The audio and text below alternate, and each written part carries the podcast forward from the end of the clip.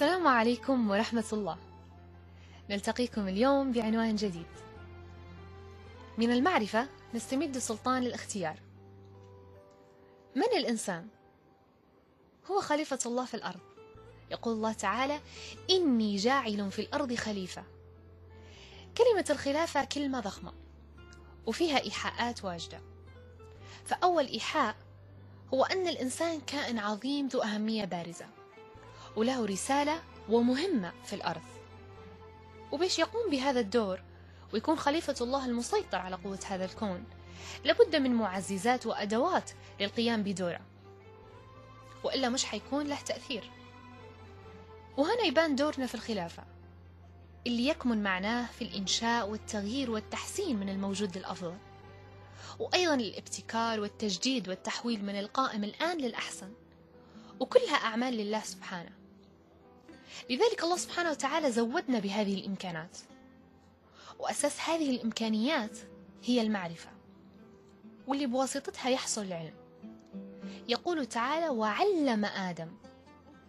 وهي واحدة من المزايا اللي تفرد بها الإنسان عن بقية مخلوقاته وبها تأهل ليكون خليفة الله في الأرض.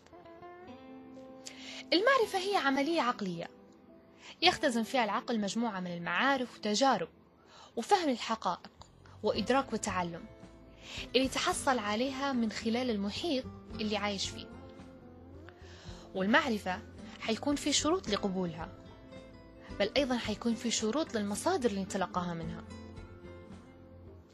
للمعرفة مصادر عدة منها حواسنا الخمسة هي السمع والبصر والشم وما إلى ذلك أو المنقولات من الناس. أو النوع الأخير هو الاستنتاجات العقلية اللي نحن حنكونوها.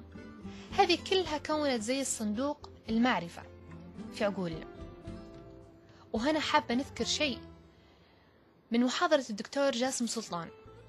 تتحدث المحاضرة عن نظرية المعرفة أو عنوانها يتحدث عن نظرية المعرفة.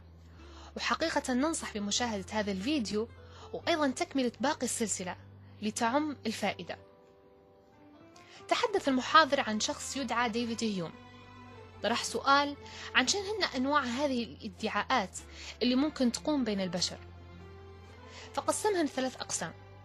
القسم الأول هي التحليلية. أي بمعنى هي اللي صدقها منها أو هي صدق صدقها في قولها يعني مجرد ما أنت تقولها ظاهر فيها صدقها صدقها منها. يعني ما تحتاجش منا تفكير وتفريط وتحليل. وهنا نقدر نقول إن هي من المسلمات أو من الأمور المسلمة. خلينا نذكر مثال. زي مثلا نقول 2 زائد 2 هتساوي 4 لو مشينا أي مكان أخرى أو أي يعني في أي مناطق أخرى أو في أي بلدان ثانية فنفس الناتج حيعطي. يعني أمر مسلم حيكون. القسم الثاني وهي التركيبية. القسم الثاني وهو حيكون التركيبية يعني القسم الأول تحليلي والقسم الثاني تركيبي. وحنديروها بصورة مثال. مثلا قال لنا شخص إن في فلان يعني إحنا متواجدين في غرفة والشخص اللي أخذنا منه القول قال لنا إن في شخص قاعد جنبكم في الغ... موجود في الغرفة اللي جنبكم. أو في الغرفة المحاذية اللي جنبكم. أنا هنا الأمر عندي مش مسلم. يعني أنا نقول إن فعلا يعني أنا تأكدت فعلا إن الشخص موجود. أنا ما مش متأكد يعني الأمر مش مسلم عندي. معناها هنا أنا يستدعيني الأمر إني أنا حندس شخص أو إني أنا نطلع ونتأكد من وجود هذا الشخص. فهذا الأمر ما يسمى بالتركيبي القسم الأخير هو اللي حيكون جاي بينهم. يعني ما يكون جاي في قسم اللي يصدق نفسه بنفسه ولا في جاي القسم المركب اللي نحتاج نحن نأكد عليه وهو القسم الأخير. ومن هنا يتبين لنا أن المعرفة هي غذاء العقل.